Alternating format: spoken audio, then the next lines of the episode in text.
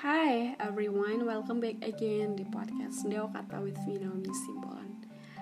Finally, like it's been a long time aku nggak bikin podcast. Right now, aku memutuskan untuk bikin podcast Deo Kata dengan topik baru yang cukup hangat. Banyak orang di dunia ini terjebak dan terluka dan percaya bahwa mereka itu nggak berdaya. Emang kita emang begitu. Bahkan dulu juga kita seperti itu. Atau mungkin sekarang kamu seperti itu namun percaya gak sih bahwa dengan kebaikannya Tuhan, dengan pertolongannya Tuhan yang kita sembah, kita akhirnya dan hal itu mampu membuat kita untuk bahwa kita layak untuk sembuh, kita layak untuk lepas dari segala hal seperti dosa, luka batin, dan kita bisa bebas dan pulih. So lewat podcast ini, aku akan menyingkapkan lebih tepatnya aku akan membagikan kunci-kunci yang dibutuhkan oleh kamu semua untuk bisa membuka semua rantai yang membelenggu hidup kita dan juga menghambat pertumbuhan kita sebagai orang Kristen atau mungkin di luar Kristen. Misalnya nih, mungkin ada beberapa di antara kamu yang pengen banget bertobat, misalkan yang tadi kamu perokok, yang tadinya kamu um, mengalami luka batin gara-gara kamu ditidurin oleh pasangan kamu atau keluarga kamu dan kamu gak bisa mengampunin atau kamu berasal dari keluarga broken home dan kamu mengambil pelarian untuk sering kepap atau bahkan merokok dan kamu susah untuk lepas dari hal itu. Um, padahal kamu memiliki keinginan untuk bertobat gitu dan lewat podcast ini aku pengen banget membagikan kunci-kunci um, yang membuat kamu untuk bisa bebas dan kamu bisa membuka rantai yang membelenggu hidup kamu tersebut. Serem banget ya. Ini baru podcast pertama dari podcast Sendawa Kata. Hmm, apa bahasanya udah udah berat banget. Cuman sebelum kita ber sebelum sebelum aku bahas mengenai kunci ini tadi, aku pengen membahas dulu nih ya di podcast pertama ini aku pengen memberitahu sama kalian untuk kalian bisa melihat diri kalian sendiri dan berkaca oleh dari podcast ini mengenai permasalahan apa sih wilayah permasalahan apa sih sebenarnya yang sedang terjadi dalam kehidupan kalian. Alright buat teman-teman semuanya ya sebelum aku lanjut buat teman-teman yang merasa terlalu berat skip aja podcastnya. Tapi kalau kamu merasa diberkatin dan kamu pengen tahu empat wilayah masalah yang terjadi dalam hidup kamu yang membuat kamu susah lepas dari dosa atau susah untuk um, lepas dari kecanduan kamu you have to continue to hear me yang berkotak-kotak ini even though mungkin suara aku nggak begitu asik seperti penyiar yang lain kok jadi insecure ya but I just want to make sure to you guys bahwa ini benar-benar topik yang menarik banget jadi kamu harus ikutin episode per episode oke okay. Next your laptop, empat wilayah permasalahan yang seri, yang yang yang harus kamu tahu dalam hidup kamu ini adalah yang pertama. Yang pertama itu adalah dosa leluhur ataupun kutuk keturunan. Sebenarnya ketika aku lagi um, sharing sama orang lain ada orang yang curhat sama aku. Hal ini aku sering banget kasih tahu. Bahkan aku sering banget diberitahu ketika aku juga dulu awal-awal um, memutuskan untuk bertobat itu. Maksudnya bertobat dari kehidupan aku yang lama yang begitu kelam sampai sekarang I think I feel better gitu. Dulu aku cukup bandel. Buat teman-teman mungkin yang belum tahu nanti stop dulu di sini. Kalian bisa lihat di, di podcast sebelumnya dan kalian dengerin oke? okay? Oke, yang pertama itu adalah wilayah permasalahan dosa, leluhur, dan kutuk keturunan. Jadi wilayah permasalahan ini itu tuh berakar, um, maksudnya wilayah permasalahan. Oke, okay, well, kayaknya kalau misalkan yang dengerin orang mus Kristen, aku mau kasih kamu satu firman mengenai permasalahan ini, ya. Dosa keturunan itu ada dibahas di Keluaran 20 20 ayat 3 sampai 6 kalau nggak salah ya dan di situ tuh dituliskan yang membalaskan di mana penyembahan berhala berakibat pada kutuk yang membalaskan kesalahan pada ke, bapak kepada anak-anaknya dan kepada ketiga dan keempat kotoran. Jadi gini kalau misalkan misalnya nih ya um, aku ingat deh contohnya satu seperti ini. Aku itu dulu pernah melayani satu anak um, anak ini so weird you know dia insomnia. Mungkin buat beberapa temen insomnia itu cukup biasa aja gitu. Tapi uh, um, insomnia itu sampai jam 4 pagi jam 5 pagi you know? Itu kayak bisa dibilang dia nggak tidur gitu. At least tomorrow morning she gonna go to office or waktu itu dia masih kuliah dia bilang he's gonna go to school. Also dia magang waktu itu. Aku melayan dia dalam kondisi lagi magang. Dan it's dia itu terjadi udah beberapa tahun lamanya.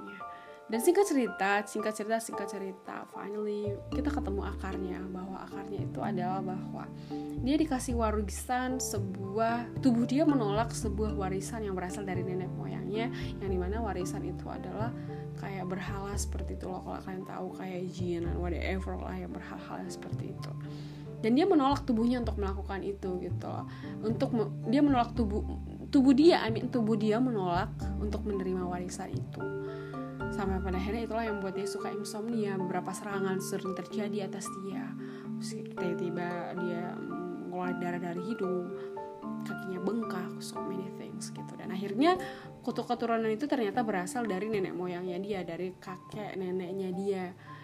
Um, jadi kakek dia nomor dua juga seperti itu bibi dia nomor dua lalu papa dia dan dia anak nomor dua gitu. Jadi diturunin seperti itu diturunin. Kalau kalian tahu sama seperti harta gitu diturunin gitu.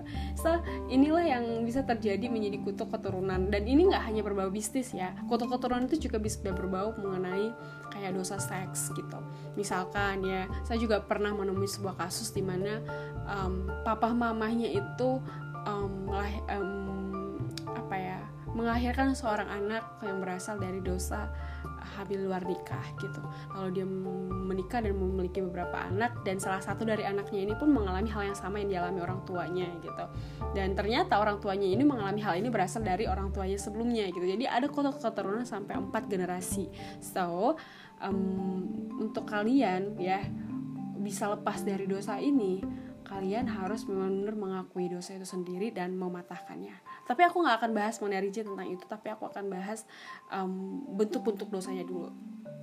Yang kedua itu adalah permasalahannya berasal dari kepercayaan palsu. Kepercayaan palsu ini um, kayak misalkan ya, kadang-kadang pikiran kita tuh dipenuhi dengan hal-hal yang nggak benar gitu maksudnya yang yang diwarisi oleh para leluhur kita misalnya lo itu nggak bisa makan di depan pintu nanti jodoh lu susah. Kita. Oh itu nggak bisa apa misalnya kalian you know, aku suka lupa ya tapi intinya kepercayaan kepercayaan yang seperti itu. Kamu nggak bisa ngaca di malam hari nanti ada ini misalkan gitu.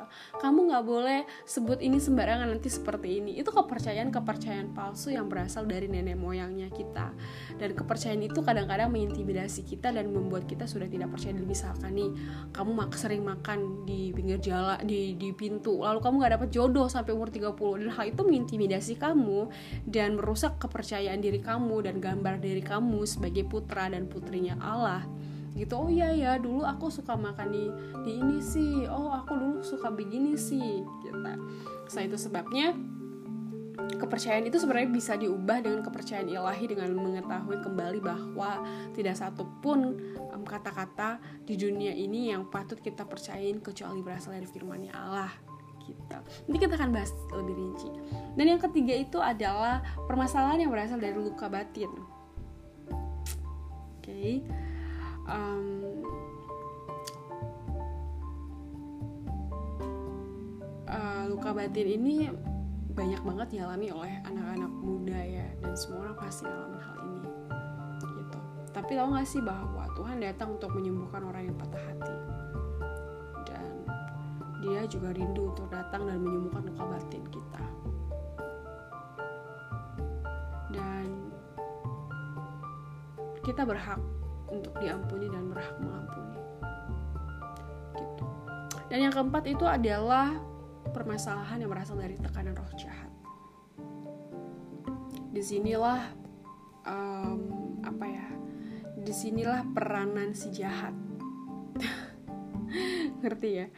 Misalnya um, kayak misalkan aku mau bilang tadi tekanan roh jahat itu kayak misalnya um, itu dia tadi yang pergi ke jin dan segala macam itu itu kamu punya keluarga misalkan memberi sesajen dan ada tumbalnya dan segala macam itu adalah empat permasalahan yang terjadi di dalam hidup kita empat permasalahan ini kalau kita tidak tahu sumber dan akarnya dengan baik ini bakal mempengaruhi dan merusak pertumbuhan kita sebagai orang Kristen atau pertumbuhan kita dan membuat kita um, tidak bisa bebas you know like you feel like something in your heart and you don't know what is that. Then sometimes that sometimes that feeling make you feel like stress depression and then kamu merasa bukan dirimu sendiri. So buat kalian semuanya mungkin um, apa ya itu dulu kali ya empat yang aku mau bahas buat kalian semuanya. Tapi dari malam ini mungkin kalian bisa merenungin permasalahan-permasalahan apa sebenarnya yang terjadi dalam kalian dari empat hal ini? Apakah itu dosa kutuk keturunan?